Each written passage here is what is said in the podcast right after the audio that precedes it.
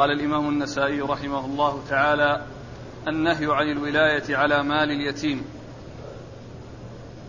قال أخبرنا العباس بن محمد قال حدثنا عبد الله بن يزيد عن سعيد بن أبي أيوب عن عبيد الله بن أبي جعفر عن سالم بن أبي سالم الجيشاني عن أبيه عن أبي ذر رضي الله عنه أنه قال قال لي رسول الله صلى الله عليه وآله وسلم يا أبا ذر إني أراك ضعيفا وإني أحب لك ما أحب لنفسي. لا تأمرن على اثنين ولا تولين على مال يتيم. بسم الله الرحمن الرحيم. الحمد لله رب العالمين. وصلى الله وسلم وبارك على عبده ورسوله نبينا محمد وعلى آله وأصحابه أجمعين. أما بعد يقول النسائي رحمه الله النهي عن الولاية على مال اليتيم. نعم. النهي عن الولاية على على مال اليتيم. هذه ترجمة مطلقة. وهي والنهي فيها مقيد لأنه ليس ليس كل ينهى عن الولاية على مال اليتيم لأنه لو كان النهي عن الولاية على مال اليتيم مطلقا لما تولى أحد على مال اليتيم ولا ضاع الأيتام. ولكن المقصود هو نهي مقيد يعني في حق من لا يكون عنده الأهلية أو من لا يكون عنده قدرة. هذا هو الذي يتوجه إليه النهي. ولهذا الحديث الذي ورد يدل على أن النهي إنما هو مقيد في حق من يكون فيه ضعف ومن لا يكون عنده قدرة. أما من يكون عنده قدرة فليس بمنهي بل هو مأمور حيث تعينت حيث تعين تعينت ولايته. وإلا إذا لم آه، يرعى الأيتام ويتولى عليهم حصل لهم الضياع. وعلى هذا فالترجمة مطلقة وكان من حقها أن تكون مقيدة كما جاء في الحديث الذي أورده النسائي تحت هذه الترجمة. وأورد النسائي حديث أبي ذر رضي الله عنه أبي ذر الغفاري رضي الله عنه أن النبي عليه الصلاة والسلام قال إني أراك يا أبا ذر إني أراك ضعيفا فلا تأمرن على اثنين ولا تلين مال يتيم فلا تأمرن على اثنين ولا تلين مال يتيم. والنبي صلى الله عليه وسلم مهد لهذا بقوله صلى الله عليه وسلم إني أراك ضعيفا إني أراك ضعيفا. وفي هذا دليل على المواجهة بالنقص. المواجهة بالنقص إذا اقتضى الأمر ذلك وكان هنا هناك حاجة تدعو إلى ذلك. يعني كون الإنسان يذكر ما فيه من النقص الذي به آه لا يحقق له ما يريد. إذا كان يريد شيئا آه عنده نقص في في كونه أهلا له فإذا نبه أو ذكر فإن هذا الحديث يدل على ذلك. وقوله صلى الله عليه وسلم إني وإني أحب لك ما أحب لنفسي. من المعلوم عليه الصلاة والسلام أنه عليه الصلاة والسلام هو الذي تولى أمر المسلمين. وهو خير من تولى أمر المسلمين عليه الصلاة والسلام. والمقصود بقوله أحب لك ما أحب لنفسي يعني أحب لك الخير. لكن الشيء الذي أنت لست أهلا له ما ينبغي لك أن تقدم عليه وأن تدخل نفسك فيه. وليس معنى ذلك أن الرسول صلى الله عليه وسلم متصف بالصفة التي آه نهى عنها آه أبا ذر. ولكن المقصود هذا تمهيد لما يأمره به وأنه وإن كان ينهاه فهو يحب له ما يحب لنفسه. هو يرى من الخير له ألا يتولى.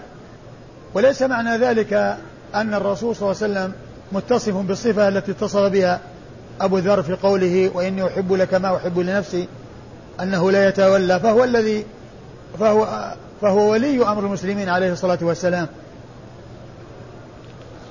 وقوله لا تأمرن على اثنين يعني لا تلين ولاية فيها إمارة وذلك للذي قدمه في أول الحديث وهو أنه ضعيف التعليل الذي جاء في أول الحديث وهو أنه ضعيف.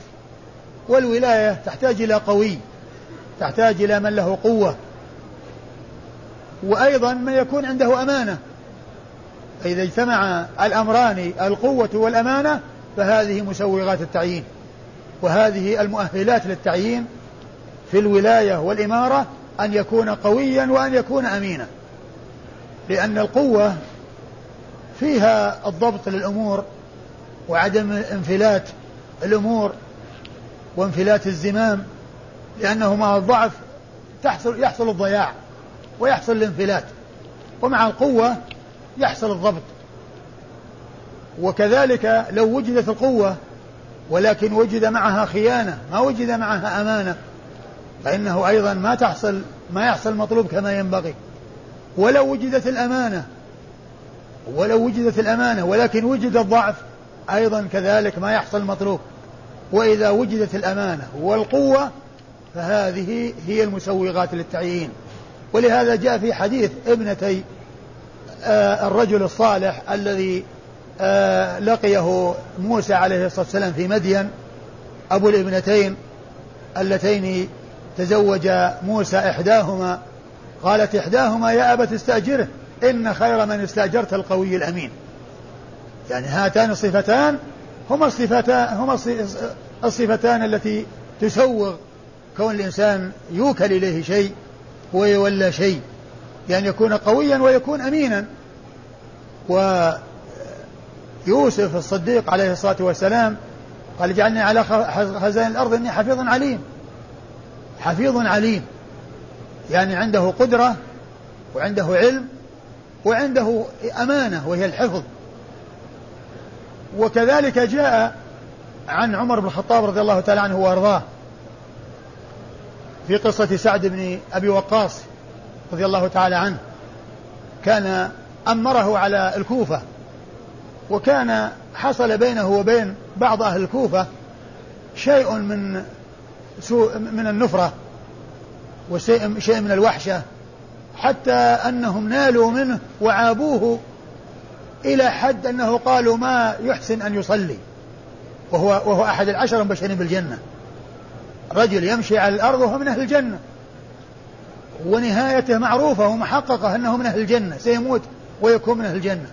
ومع ذلك يأتي بعض الناس من أهل الكوفة ويشكونه إلى عمر ويقول ما يحسن يصلي. ما يحسن يصلي. يعني معناه إن كلام الناس رضا الناس غاية لا تدرك. وهذا كلامهم في شخص يعتبر من خير الناس بل هو أحد العشرة المبشرين بالجنة. فعمر رضي الله عنه وأرضاه خشي أن يحصل من بعض السفهاء اعتداء عليه أو إلحاق ضرر به لشدة العداوة التي بينهم وبينه التي حصلت منهم له والإيذاء الذي حصل منه فخشي أن يلحقه أذى إذا أبقاه عندهم. فرأى من المصلحة أنه يعزله أنه يعزله حتى لا يحصل شيء لأنه ما دام وصل الأمر إلى أنهم يقولون أنه ما يحسن يصلي. قد يحصل من بعض شفائهم اعتداء عليه. فرأى من المصلحة عزلة.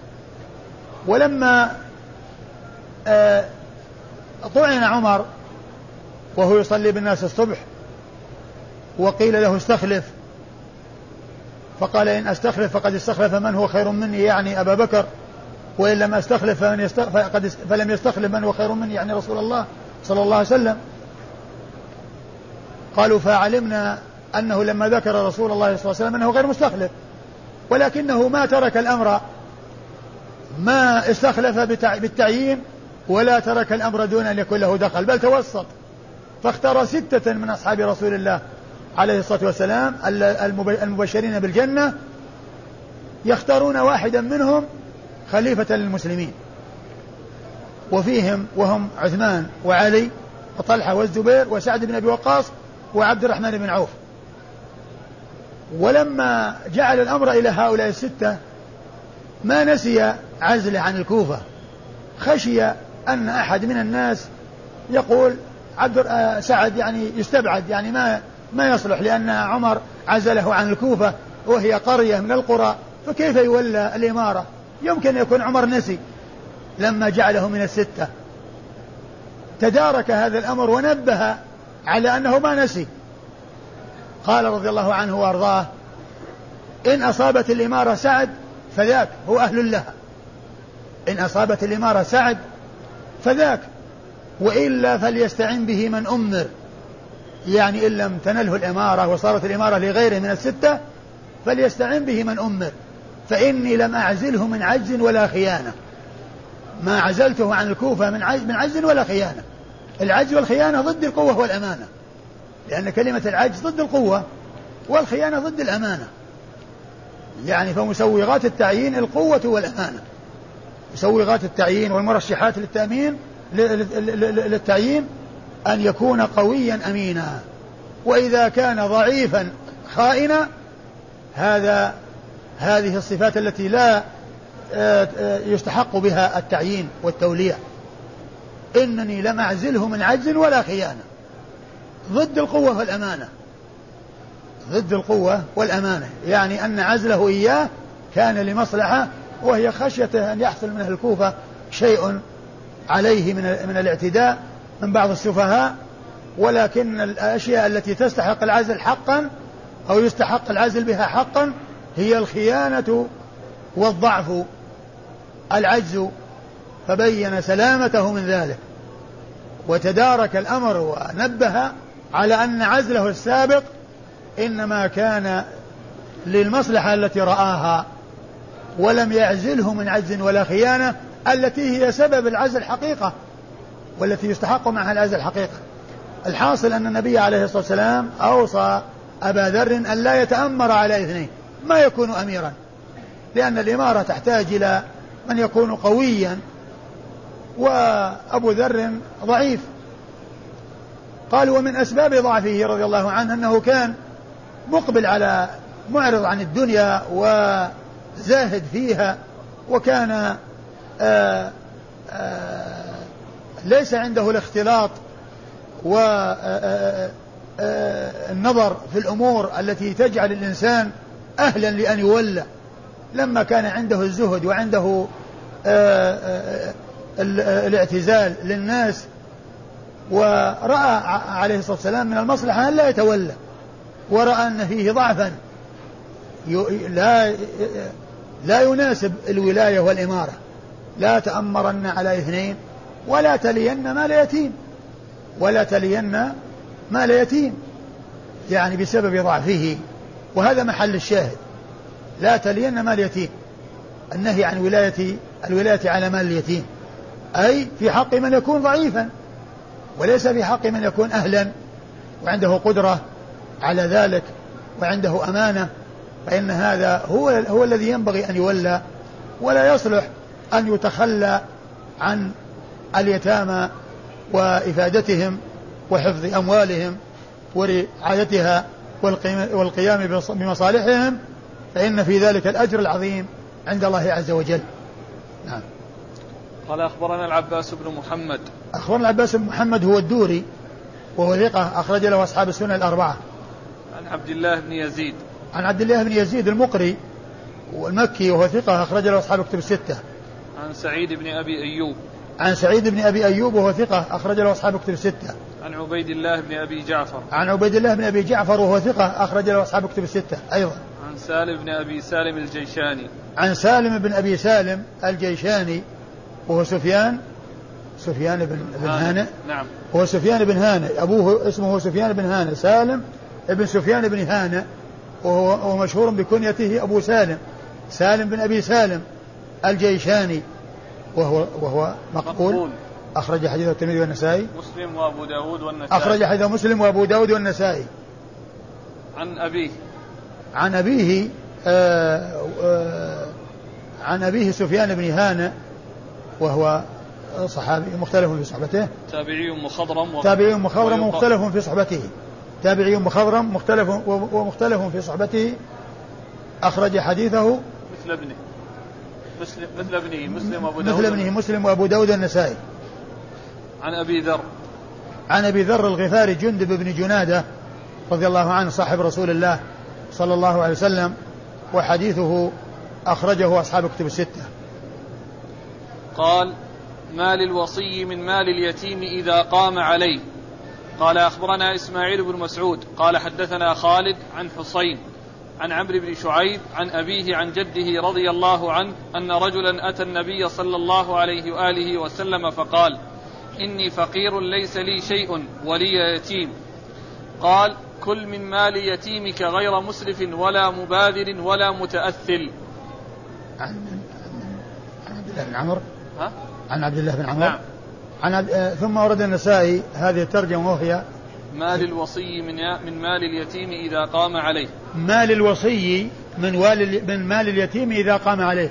يعني ولي مال اليتيم إذا قام عليه ماذا له؟ أي مقابل عمله وقيامه به ماذا له؟ له أن يأكل بالمعروف مقابل عمله اللي هو أجرة. أجرة له في مقابل عمله. ولكن هذا فيما إذا كان محتاجا. أما إذا كان غنيا فالأولى به أن يستعفف.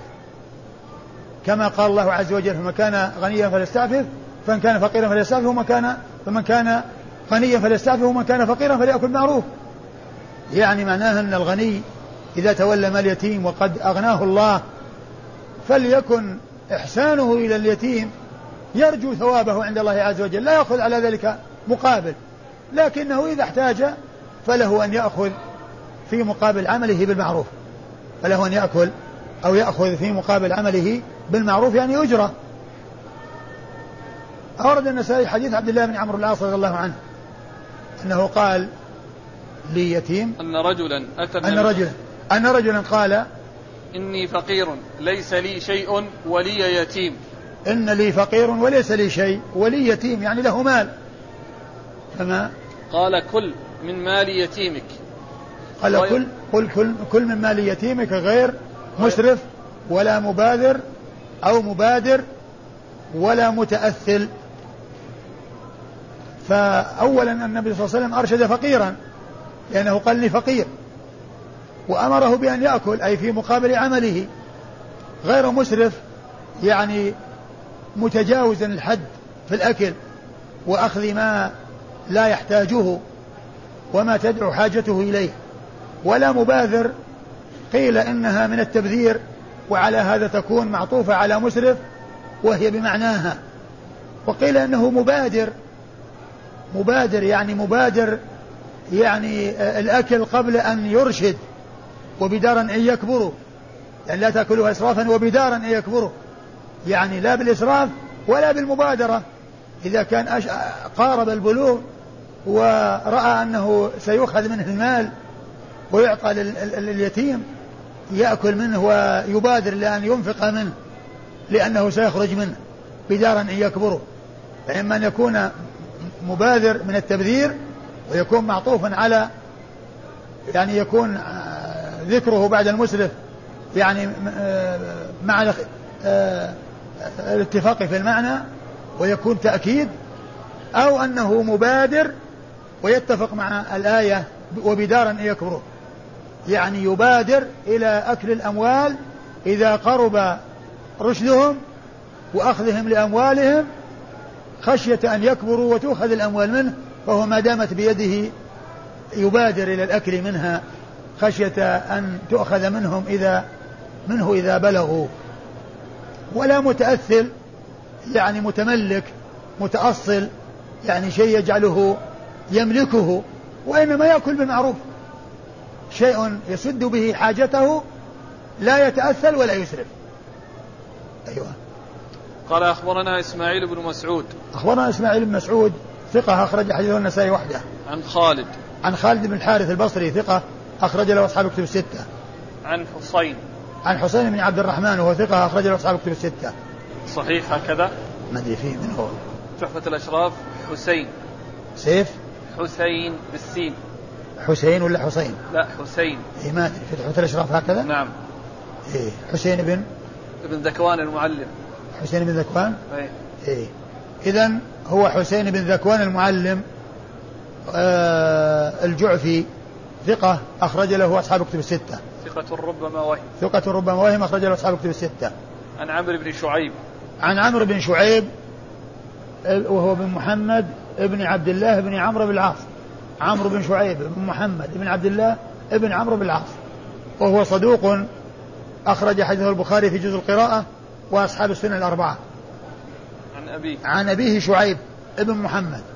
شعيب ابن محمد ابن عبد الله بن عمرو وهو صدوق أيضا أخرج حديث البخاري في آه، آه، الأدب المفرد وفي جزء القراءة وأخرج له أصحاب السنة الأربعة والمقصود بروايته عن جده أن أن أن أن شعيبا روى عن جده عبد الله بن عمرو وليس جده وليس عن أبيه محمد بن عبد الله لأن محمد بن عبد الله ما أدرك النبي صلى الله عليه وسلم فيكون حديثه مرسل. إذا أسند إلى النبي صلى الله عليه وسلم يكون حديثه مرسل ويكون منقطع.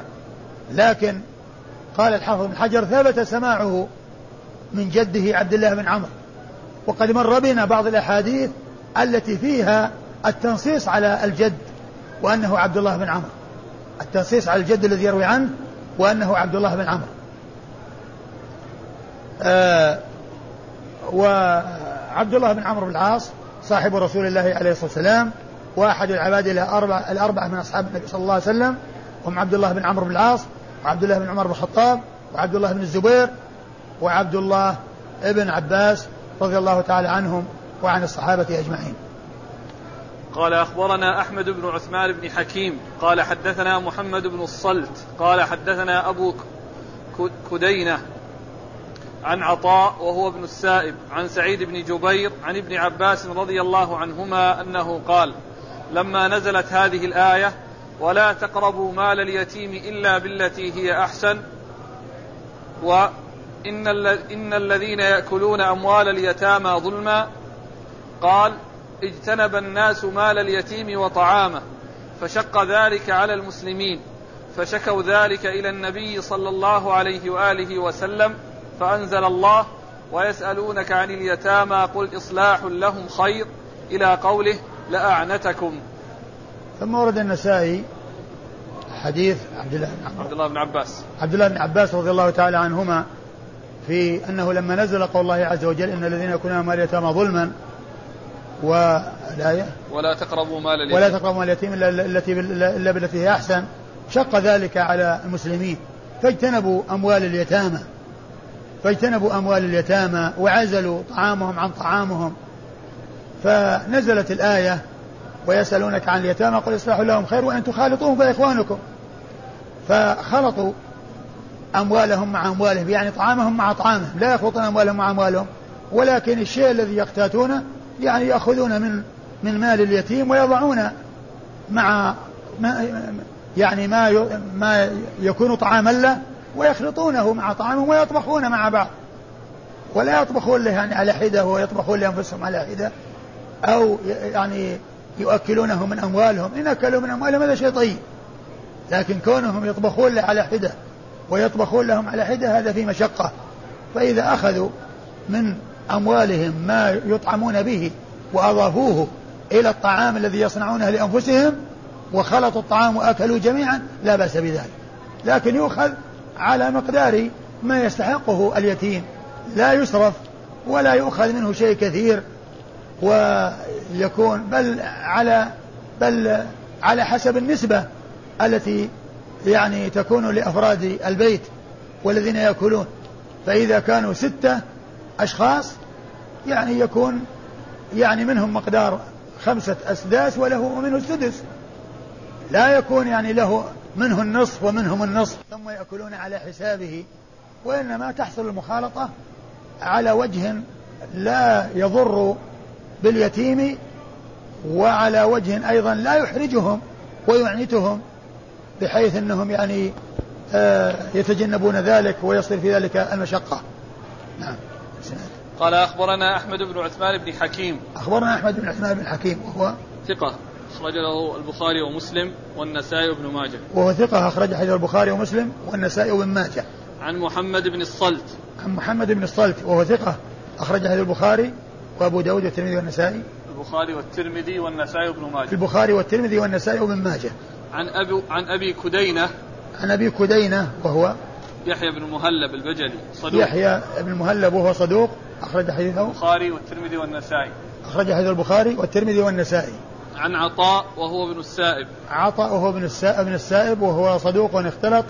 وحديثه أخرجه البخاري وأصحاب السنة الأربعة. عن سعيد بن جبير. عن سعيد بن جبير عن سعيد بن جبير وهو ثقة أخرج له أصحاب الكتب الستة. عن ابن عباس. عن ابن عباس عبد الله بن عباس بن عبد المطلب ابن عم النبي صلى الله عليه وسلم وأحد العباد الله الأربعة وأحد السبعة المعروفين بكثرة الحديث عن النبي صلى الله عليه وسلم. قال أخبرنا عمرو بن علي قال حدثنا عمران بن عيينة قال حدثنا عطاء بن السائب عن سعيد بن جبير عن ابن عباس رضي الله عنهما في قوله إن الذين يأكلون أموال اليتامى ظلما.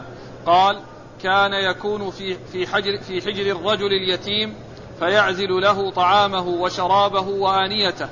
فشق ذلك على المسلمين فأنزل الله عز وجل وإن تخالطوهم فإخوانكم في الدين فأحل لهم خلطتهم.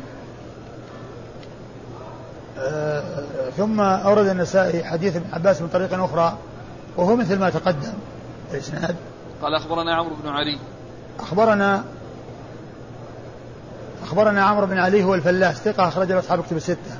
عن عمران بن عيينة. عن عمران بن عيينة هو صدوق أخرج له. صدوق له أوهام. صدوق له أوهام أخرج له. أصحاب السنن. أخرج له أصحاب السنن وهو أخو سفيان بن عيينة. عمران بن عيينة أخو سفيان بن عيينة الإمام المشهور. نعم. عن عطاء بن السائب عن سعيد بن جبير عن ابن عباس. وقد مر ذكر هؤلاء الثلاثة. قال اجتناب أكل مال اليتيم. قال أخبرنا الربيع بن سليمان. قال حدثنا ابن وهب عن سليمان بن بلال عن ثور بن يزيد عن أبي الغيث عن أبي هريرة رضي الله عنه أن رسول الله صلى الله عليه وآله وسلم قال اجتنبوا السبع الموبقات. قيل يا رسول الله ما هي؟ قال الشرك بالله والشح وقتل النفس التي حرم الله إلا بالحق وأكل الربا وأكل مال اليتيم والتولي يوم الزحف وقذف المحصنات الغافلات المؤمنات. ثم ورد النسائي هذه الترجمة وهي اجتناب أكل مال اليتيم. اجتناب أكل مال اليتيم. يعني أكل مال اليتيم بغير حق. أما إذا كان فقيرا وقد ولي مال اليتيم وأكل بالمعروف فهذا جاء في الكتاب والسنة جاء في كتاب الله عز وجل وفي سنة رسوله صلى الله عليه وسلم. وإنما المقصود الأكل, الأكل بغير حق. الأكل بغير حق يعني كونه يعني يؤكل من ماله أو يأكل من ماله من لا يستحق الأكل وهو الفقير الذي ولي ماله. وإذا أكل يأكل معروف كما تقدم. آه، أورد النسائي حديث أبي هريرة اجتنبوا السبع الموبقات. والموبقات هي المهلكات التي تهلك الناس وهي الشرك بالله وهو أظلم الظلم وأبطل الباطل. وهو الذنب الذي لا يغفر. وكل ذنب دونه فهو تحت المشيئة. والشح الذي هو أشد البخل. الشح هو أشد البخل. وقد جاء بدل الشح السحر. وقد جاء بدل الشح السحر في بعض الأحاديث. و قتل النفس التي حرم وقتل النفس التي حرم الله إلا بالحق. يعني يكون الإنسان يقتل معصوما بغير حق و وأكل الربا. وأكل الربا.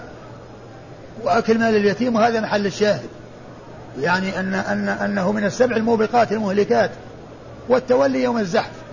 يعني عند التقاء الجيوش. والإنسان يفر. إذا لم يكن غير متحيز إلى فئة من المسلمين. وقذف المحصنات الغافلات المؤمنات. فهذه سبع موبقات مهلكات. كما جاء في هذا الحديث عن رسول الله صلى الله عليه وسلم وواحدة منها أكل مال اليتيم وهو يدل على خطورته وعلى أنه خطير وأنه من الكبائر. نعم. قال أخبرنا الربيع بن سليمان. الربيع بن سليمان يحتمل أن يكون المرادي وأن يكون الجيزي وكل منهما ثقة وليس في السنة الكبرى ولا في تحت الأشراف تعيين واحد منهما. والغالب أنه الربيع بن سليمان المرادي صاحب الشافعي لأن هذا هو الغالب على استعمال النسائي. ولكن الأمر محتمل ولكن الاحتمال لا يؤثر لأن كل منهما ثقة فسواء يكون, يكون هذا أو يكون هذا. وإنما التأثير لو كان أحدهما ضعيف والثاني ثقة فإن هذا هو الذي يؤثر. أما آه، حيث يكون الأمر محتملا بين ثقتين ولم يتميز أحدهما فالحديث أو وجود واحد منهما لا يؤثر لأنه كيفما دار دار على ثقة. نعم. عن ابن وهب. عن ابن وهب وهو عبد الله بن وهب المصري ثقة أخرج له أصحاب كتب الستة. عن سليمان بن بلال. عن سليمان بن بلال وهو ثقة أخرج له أصحاب كتب الستة. عن ثور بن يزيد. عن ثور بن يزيد وهو الصحيح إنه ابن زيد كذا في تحفة الأشراف. بن زيد؟ اي أو ابن يزيد؟ لا ابن زيد في تحفة الأشراف. إيش طبقته؟ السادسة. السادسة. ويزيد السابعة. السابعة؟ أي. لكن ذاك قال في أنه ثور بن بن زيد؟ إي نعم. تحت الأشراف؟ نعم. إيه. من خرج الآن؟ أصحاب الكتب. إيش إيش درجته؟ ثقة. ثقة. مم. ثقة أخرج أصحاب الكتب الستة؟ نعم. ثقة أخرج أصحاب الكتب الستة. ثور بن زيد. هذا في تحت الأشراف؟ إي نعم. ثقة أخرج له أصحاب الكتب الستة. ثور بن زيد. عن أبي الغيث. عن أبي الغيث سالم المدني وهو ثقة أخرج له أصحاب الكتب الستة. عن أبي هريرة. عن أبي هريرة عبد الرحمن بن صخر الدوسي صاحب رسول الله عليه الصلاة والسلام وأحد السبعة المعروفين بكثرة الحديث عن النبي صلى الله عليه وسلم. قال كتاب النحل. ذكر اختلاف ألفاظ الناقلين لخبر النعمان بن بشير في النحل, في النحل. قال أخبرنا قتيبة بن سعيد قال حدثنا سفيان عن الزهري عن حميد حاء وأنبأنا محمد بن منصور عن سفيان قال سمعناه من الزهري قال أخبرني حميد بن عبد الرحمن ومحمد بن النعمان عن النعمان بن بشير رضي الله عنهما أن أباه نحله غلاما فأتى النبي صلى الله عليه وآله وسلم يشهده فقال أكل ولدك نحلت؟ قال لا قال فاردده. واللفظ لمحمد. ثم ورد النسائي هذا ترجمة هي كتاب النحل؟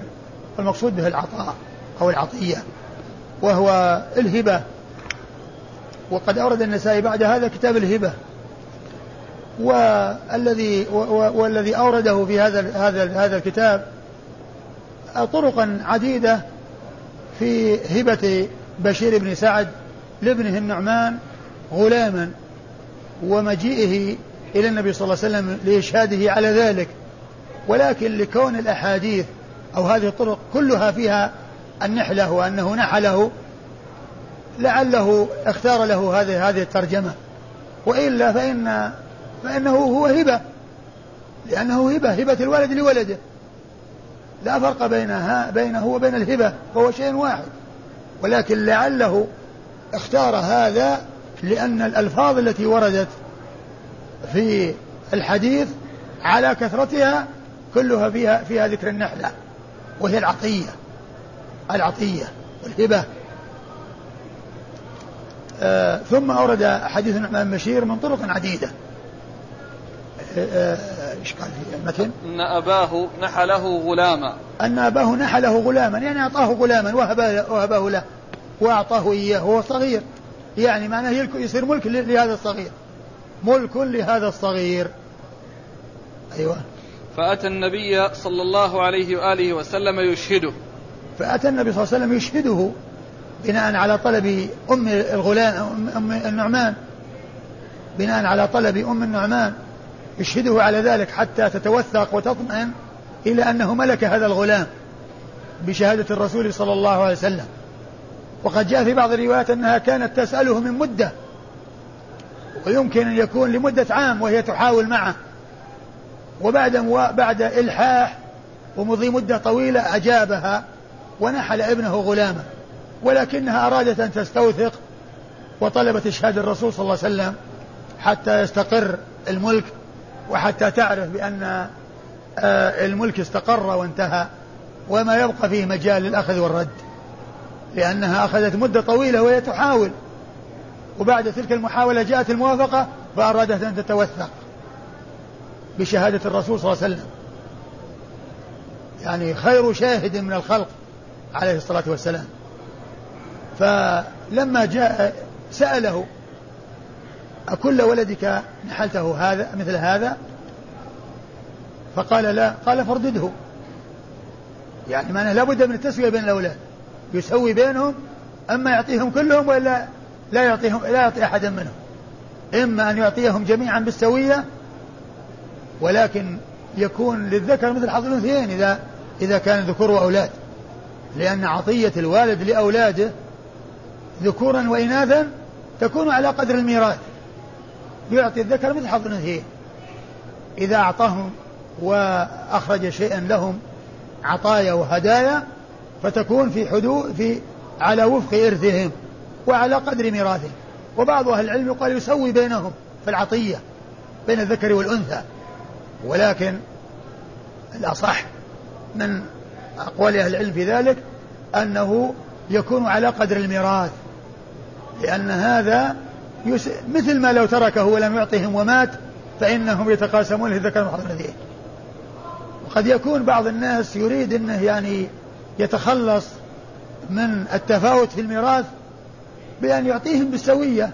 لو كان ذلك سائغا لكن الحق أنه إذا أعطاهم يعطيهم على قدر إرثهم.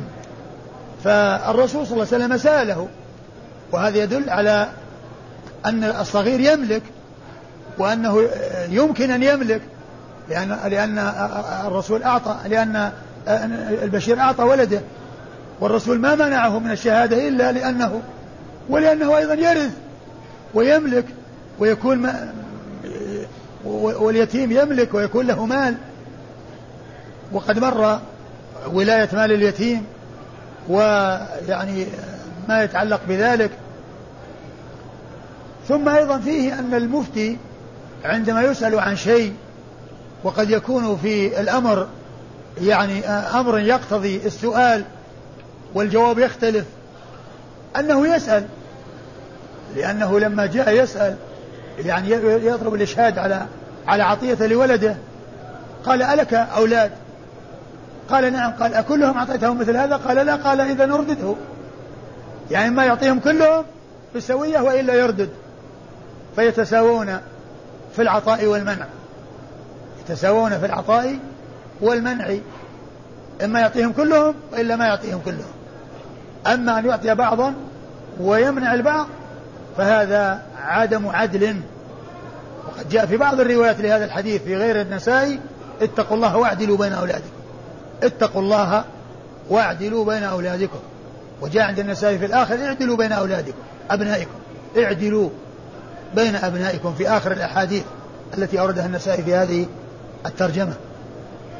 ويدل على وجوب العدل بين الأولاد. شيء يتملكونه أما أن يفاوت بينهم في النفقة وكل على قدره فهذا لا بأس به. ليكون الشخص الكبير إذا أعطاه يعني مصروف أو أعطاه يعني شيء أكثر من الصغير ما في بأس. أو مثلا واحد يعطيه يعني يشتري له سيارة يعني وهو إنسان يعني بالغ يعني ما في بأس. ما هو لازم أنه يشتري للصغار حتى اللي توه مولود. يشتري سيارة يوقفها أو يخرج مقدارا من المال ويقول هذا مقابل السيارة لأن هذه نفقة. هذه نفقة يعني مؤقتة يعني من أدركها ومن صادفها يستحقها. فالشيء الذي يتملك على أساس أنه يعني ملك يتأثل أما إذا كان شيء يستخدم وشيء يعني يستعمله الإنسان لحاجته ومصالحه وإذا كبر ذلك وكان يعني والده موجودا وموسرا فإنه يعطيه مثل ما أعطى الذي قبله. لأن هذه هذا يعتبر من من من من من, من, من النفقة. وكذلك لو بلغ واحد منهم أراد يزوجه زوجه. زوجها أيضا إذا بلغ وهو قادر على ذلك. ولا يقول والله أنا لازم إذا زوجته أرصد لواحد مبلغ لأنه قد يكون ذلك الشخص يأتي وقت زواجه والمبلغ هذا إما زايد ولا يعتبر من النفقة أو تابع للنفقة. لا يعتبر من جملة العطايا التي يجب التسوية بينها. لكن كونه يعطيه أرض يعطيه عمارة يعطيه مسكن يعطيه كذا لا. كونه يسكنه مؤقت في ملك له لا بأس إذا كان محتاج. لكن كونه ملكه لا يملكه. وأما فيما يتعلق بالنفقة سواء كان أو الزواج فإن هذا لا يلزم أنه يروح يخرج مقدارا من من المال لكل واحد منهم للذي ولد والذي زوج. وإنما يعقد العزم على أنه إذا بلغ كل واحد منهم يزوجه وهكذا عندما يأتي وقته. نعم. قال أخبرنا قتيبة بن سعيد. أخبرنا قتيبة بن سعيد بن جميل بن طريف البغلاني ثقة أخرج له أصحاب كتب الستة. عن سفيان. عن سفيان بن عيينة ثقة أخرج له أصحاب كتب الستة. عن الزهري. عن الزهري محمد بن مسلم بن عبيد الله بن شهاب الزهري ثقة أخرج له أصحاب كتب الستة. عن حميد. عن حميد بن عبد الرحمن بن عوف وهو ثقة أخرج له أصحاب كتب الستة. حاء وأنبانا محمد بن منصور. ثم أتى بحاء التحويل وأتى بإسناد آخر قال أخبرنا محمد بن منصور. محمد بن منصور الجواز المكي ثقة أخرج له النسائي وحده.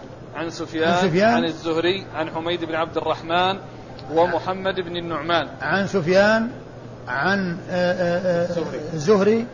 عن حميد بن عبد الرحمن ومحمد بن النعمان. لأن الطريقة الأولى ما فيها محمد بن النعمان. والطريقة الثانية فيها بالإضافة إلى حميد بن عبد الرحمن محمد بن النعمان. ومحمد بن النعمان يعني ابن النعمان بن بشير صاحب القصة وصاحب العطية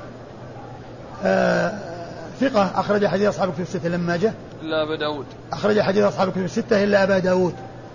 والنعمان بن بشير هو من صغار الصحابة. وقد توفي رسول الله عليه الصلاة والسلام وعمره ثمان سنوات. توفي رسول الله عليه الصلاة والسلام وعمره ثمان سنوات. ومعنى هذا أنه أعطي ذلك من قبل. عمره يمكن خمس سنين ولا ست سنين. لأنه في وفاة الرسول عليه الصلاة والسلام عمره ثمان سنوات. وقد روى عن النبي صلى الله عليه وسلم بالسماع. وفيه دليل على أن الصغير إذا تحمل في حال صغره وأدى في حال كبره فهو معتبر. لأن النعمان بشير توفي رسول الله عليه الصلاة والسلام وعمره ثمان سنوات. ومن أحاديثه الحديث المشهور الذي هو من جوامع كلم الرسول صلى الله عليه وسلم الحلال بين والحرام بين. لأن النعمان بن بشير قال فيه سمعت رسول الله صلى الله عليه وسلم يقول وكانت وكانت وكان عمره عند وفاة النبي صلى الله عليه وسلم ثمان سنوات. من أخرج له؟ نعمان بن بشير. نعمان بن بشير أخرج له أصحاب الكتب الستة. الإخوة يسألون ما وجه إصرار أم النعمان على إش... على إعطائه؟ هل له يعني إخوة غير أشقاء؟ الله أعلم لا ندري لكن يحتمل يحتمل أن يكون له إخوة يعني آه، له إخوة يعني من الأب وهي تريد أن أنه يعني هذا الصغير يكون له شيء من المال. ويبدو والله أعلم آه، أنه آه، لعله يعني الحال أنه هو وحيدها. أقول لا أدري هل لكن يمكن أن يكون سبب إصرارها لأنه لو كان الواقون إخوة له منها ما كانت تصر على أن يكون آه، يعطي ولده شيء. بالنسبة للأب الذي زوج أبنائه الكبار هل له أن يوصي بمال يزوج به الصغير زيادة على إرثه؟ لا ليس له أن يوصي لأن هذه وصية لوارث. هذه وصية لوارث. قال أخبرنا محمد بن سلمة والحارث هذه وإنما هذه مصروفات مؤقتة. من استحقها في وقتها أعطي إياه. ومن لم يدركها فاتته ولا يوصي له لأن الوصية كل وارث. قال أخبرنا محمد بن سلمة والحارث بن مسكين قراءة عليه وأنا أسمع عن ابن القاسم عن مالك عن ابن شهاب عن حميد بن عبد الرحمن ومحمد بن النعمان يحدثانه عن النعمان بن بشير رضي الله عنهما أن أباه أتى به رسول الله صلى الله عليه وآله وسلم فقال إني نحلت ابني غلاما كان لي. فقال رسول الله صلى الله عليه وآله وسلم أكل ولدك نحلته؟ قال لا. قال رسول الله صلى الله عليه وآله وسلم فارجعه. ثم ورد النسائي حديث النعمان بن بشير من طريق أخرى وهو مثل ما تقدم. قال أخبرنا محمد بن سلمة. محمد بن سلمة المرادي المصري ثقة أخرج حديث مسلم وأبو داود والنسائي وابن ماجه. والحارث بن مسكين. الحارث بن مسكين ثقة أخرج له أبو داود والنسائي. عن ابن القاسم. عن ابن القاسم عبد الرحمن بن القاسم. ثقة أخرج حديث البخاري وأبو داود في المراسيل والنسائي. عن مالك. عن مالك بن أنس إمام دار الهجرة المحدث الفقيه المشهور أحد أصحاب المذاهب الأربع المشهورة مذاهب السنة وحديث أخرج أصحاب الكتب الستة. عن ابن شهاب عن حميد بن عبد الرحمن ومحمد بن النعمان عن النعمان بن بشير. وقد مر ذكرهم جميعا. قال أخبرنا محمد بن هاشم قال حدثنا الوليد بن مسلم قال حدثنا الأوزاعي عن الزهري عن حميد بن عبد الرحمن ومحمد بن النعمان عن النعمان بن بشير رضي الله عنهما أن أباه بشير بن سعد جاء بابنه النعمان فقال يا رسول الله إني نحلت ابني هذا غلاما كان لي. فقال رسول الله صلى الله عليه وآله وسلم أكل بنيك نحلت؟ قال لا قال فارجعه. ثم ورد النسائي حديث النعمان من طريق أخرى وهو مثل ما تقدم قال أخبرنا محمد بن هاشم البعلبكي وهو صدوق أخرج حديث النسائي وحده نعم صدوق أخرج حديث النسائي وحده عن الوليد بن مسلم عن الوليد بن مسلم الدمشقي وهو وهو ثقة أخرج حديث كثير التدليس والتسوية أخرج حديث أصحاب كتب الستة. عن الأوزاعي. عن الأوزاعي عبد الرحمن بن عمرو الأوزاعي ثقة فقيه أخرج له أصحاب كتب الستة. عن الزهري عن حميد بن عبد الرحمن والنعمان بن ومحمد بن النعمان عن النعمان بن بشير. وقد مر ذكرهم جميعا.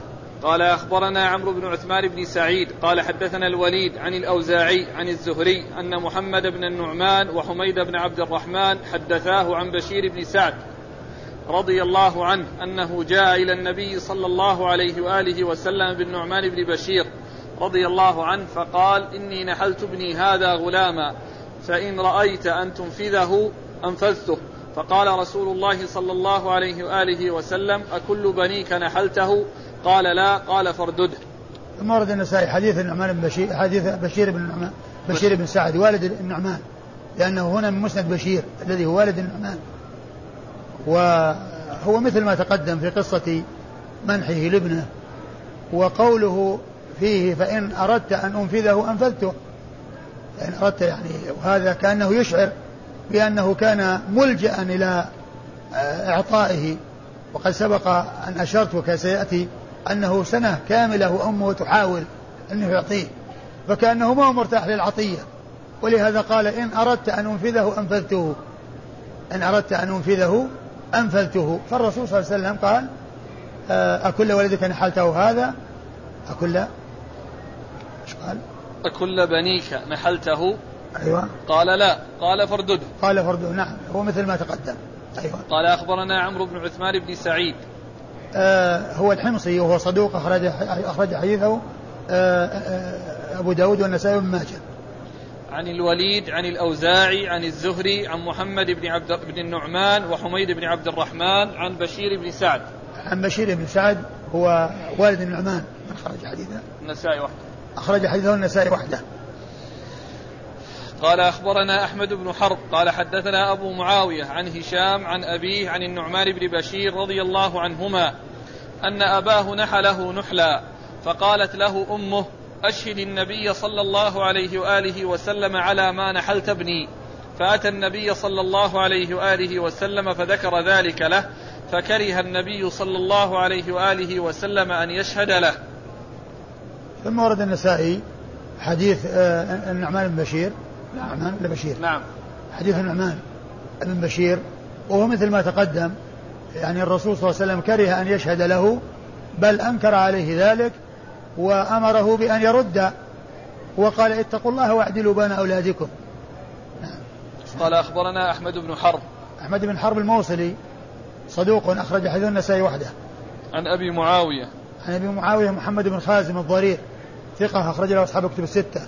عن هشام. عن هشام بن عروة وهو ثقة أخرج له أصحاب الكتب الستة. عن أبيه. عن أبيه عروة بن الزبير ثقة فقيه من فقهاء المدينة السبعة في عصر التابعين أخرج له أصحاب الكتب الستة. عن النعمان بن بشير. عن النعمان بن بشير وقد مر ذكره. قال أخبرنا محمد بن معمر قال حدثنا أبو عامر قال حدثنا شعبة عن سعد يعني ابن إبراهيم عن عروة عن بشير رضي الله عنه أنه نحل ابنه غلاما. فأتى النبي صلى الله عليه وآله وسلم فأراد أن يشهد النبي صلى الله عليه وآله وسلم. فقال أكل ولدك نحلته مثل هذا مثل ذا؟ قال لا. قال فاردده. ثم ورد النسائي حديث بشير بشير بن سعد والد النعمان وهو مثل ما تقدم في قصة نحله ابنه غلاما واستفتائه النبي صلى الله عليه وسلم وأمره له بأن يرده لأنه لم يسوي بين الأولاد. والإسناد؟ قال أخبرنا محمد بن معمر. محمد بن معمر هو البحراني البصري وهو صدوق أخرج له أصحاب الكتب الستة بل هو شيخ لأصحاب الكتب الستة روى عنه مباشرة بدون واسطة. عن أبي عامر. عن أبي عامر العقدي وعبد الملك بن عمرو. نعم. وعبد الملك بن عمرو وهو ثقة أخرج له أصحاب كتب الستة. عن شعبة. عن شعبة بن الحجاج الواسطي ثم البصري وهو ثقة وصف بأنه أمير المؤمنين في الحديث وحديثه أخرجه أصحاب كتب الستة. عن سعد يعني بن إبراهيم. عن سعد يعني بن إبراهيم بن عبد الرحمن بن عوف وهو ثقة أخرج له أصحاب كتب الستة. عن عروة عن بشير. عن عروة عن بشير وقد مر ذكرهما. قال أخبرنا محمد بن حاتم قال حدثنا حبان قال حدثنا عبد الله عن هشام عن ابن عروة عن أبيه أن بشيرا رضي الله عنه أتى النبي صلى الله عليه وآله وسلم فقال يا نبي الله نحلت النعمان نحلة. قال أعطيت لإخوته؟ قال لا. قال فاردده. ثم ورد النسائي حديث النعمان بن بشير من طريق أخرى وهو مثل ما تقدم. حد... آه بشير؟ بشير. إيش قال؟ إيش قال فيه؟ إيش قال في أن بشيرا أتى النبي صلى الله لا عليه إيش وسلم. قبله؟ عن عروة بن الزبير يقول أن بشيرا أتى النبي صلى الله عليه وسلم. فقال يا نبي الله نحلت النعمان نحلة. هو ما يكون من حديث يكون مرسل لكنه يدل عليه ما تقدم. لأنه هنا يحكي الذي حصل وهو ما أدركه ولكنه ثابت يعني كونه سمعه من بشير. وأما العبارة هذه تدل على أنه مرسل. أيوة. قال أخبرنا محمد بن حاتم. أخبرنا محمد بن حاتم بن نعيم المروزي ثقة أخرج حديث النسائي وحده. عن حبان. عن حبان بن موسى المروزي ثقة أخرج حديثه البخاري ومسلم و الترمذي والنسائي. والترمذي والنسائي. البخاري ومسلم والترمذي والنسائي. عن عبد الله. عن عبد الله بن المبارك المروزي ثقة أخرج له أصحاب الكتب الستة. عن هشام. عن هشام بن عروة. عن إذا هشام. إذا لأنه مكتوب عندنا عن هشام لا. عن ابن عروة. لا عن هذه زائدة. عن هشام بن عن عروة. هشام بن عروة عن أبيه. عن هشام ابن عروة عن أبيه. فكلمة عن التي قبل آه، ابن عروة وكذلك الفاصلة التي يعني قبلها الواو المقلوبة هذه يعني زائدة. لأنه لو كان الأمر كذلك يكون هشام يروي عن عروة وأبوه وعروة يروي عن أبيه الزبير عن أبيه عبد ابن أبي- أبيه الزبير. وال- والحديث هو من مسند آه، وال- والحديث هو يعني آه، ليس آه، الزبير من رواته لأنه كله يتعلق بالنعمان بن بشير وأبيه. فعن هذه زائدة. عن هشام بن عروة عن أبيه. أيوة. قال أخبرنا محمد بن عبد الملك بن أبي الشوارب. قال حدثنا يزيد وهو ابن زريع. قال حدثنا داود عن الشعبي عن النعمان رضي الله عنه أنه قال انطلق به أبوه رضي الله عنه يحمله إلى النبي صلى الله عليه وآله وسلم. قال اشهد أني قد نحلت النعمان من مالي كذا وكذا. قال كل بنيك نحلت مثل الذي نحلت النعمان. وذكر حديث النعمان مختصرا وفيه اختصار لأنه بعد ذلك أمره بأن يرده لما قال لا. وفي الحديث أنه كان يحمله وهذا يدل على صغره يدل على صغره يعني وأنه يحمل. نعم. قال أخبرنا محمد بن عبد الملك بن أبي الشوارب. محمد بن عبد الملك بن- أبي الشوارب وهو صدوق أخرج له مسلم والترمذي والنسائي وابن ماجه. صدوق أخرج حديثه مسلم والترمذي والنسائي بن ماجه. عن يزيد وهو ابن زريع. يزيد وابن زريع ثقة أخرج له أصحاب كتب الستة. عن داود. عن داود بن أبي هند وهو ثقة أخرج له البخاري تعليقا ومسلم وأصحاب السنة الأربعة. عن الشعبي. عن الشعبي عامر بن شراحيل. الشعبي ثقة أخرج له أصحاب كتب الستة. عن النعمان. عن النعمان وقد مر ذكره. قال أخبرنا محمد بن المثنى عن عبد الوهاب قال حدثنا داود عن عامر عن النعمان رضي الله عنه أن أباه رضي الله عنه أتى به النبي صلى الله عليه وآله وسلم يشهد على نحل نحله إياه. فقال أكل ولدك نحلت مثل ما نحلته؟ قال لا. قال فلا أشهد على شيء. أليس يصرك أن يكونوا إليك في البر سواء؟ قال بلى قال فلا إذن. ثم أورد النسائي حديث النعمان بن بشير وفيه زيادة يعني وهي التعليل الذي يعني جعله يعني عندما سأل النبي صلى الله عليه وسلم النعمان عنه جعله يجيب بأن هذا هو المناسب. قال أليس يسرك أن يكونوا لك في البر سواء؟ قال نعم. قال إذا أنت سوي بينهم كما أنك تحب أن يتساووا في برك فأنت أيضا ساوهم في معروفك ونحلتك وعطيتك نعم. قال أخبرنا محمد بن المثنى أخبرنا محمد المثنى الزمن أبو موسى العنزي ثقة أخرج له أصحاب الكتب الستة بل هو شيخ لأصحاب الكتب الستة. عن عبد الوهاب. عن عبد الوهاب بن عبد المجيد الثقفي ثقة أخرج له أصحاب الكتب الستة. عن داوود عن عامر عن النعمان. وقد مر ذكر هؤلاء. قال أخبرنا موسى بن عبد الرحمن قال حدثنا أبو أسامة قال حدثنا أبو حيان عن الشعبي قال حدثني النعمان بن بشير الأنصاري رضي الله عنهما أن أمه ابنة رواحة رضي الله عنها سألت أباه بعض الموهبة من ماله لابنها فالتوى بها سنة ثم بدا له فوهبها له فقالت لا أرضى حتى تشهد رسول الله صلى الله عليه وآله وسلم.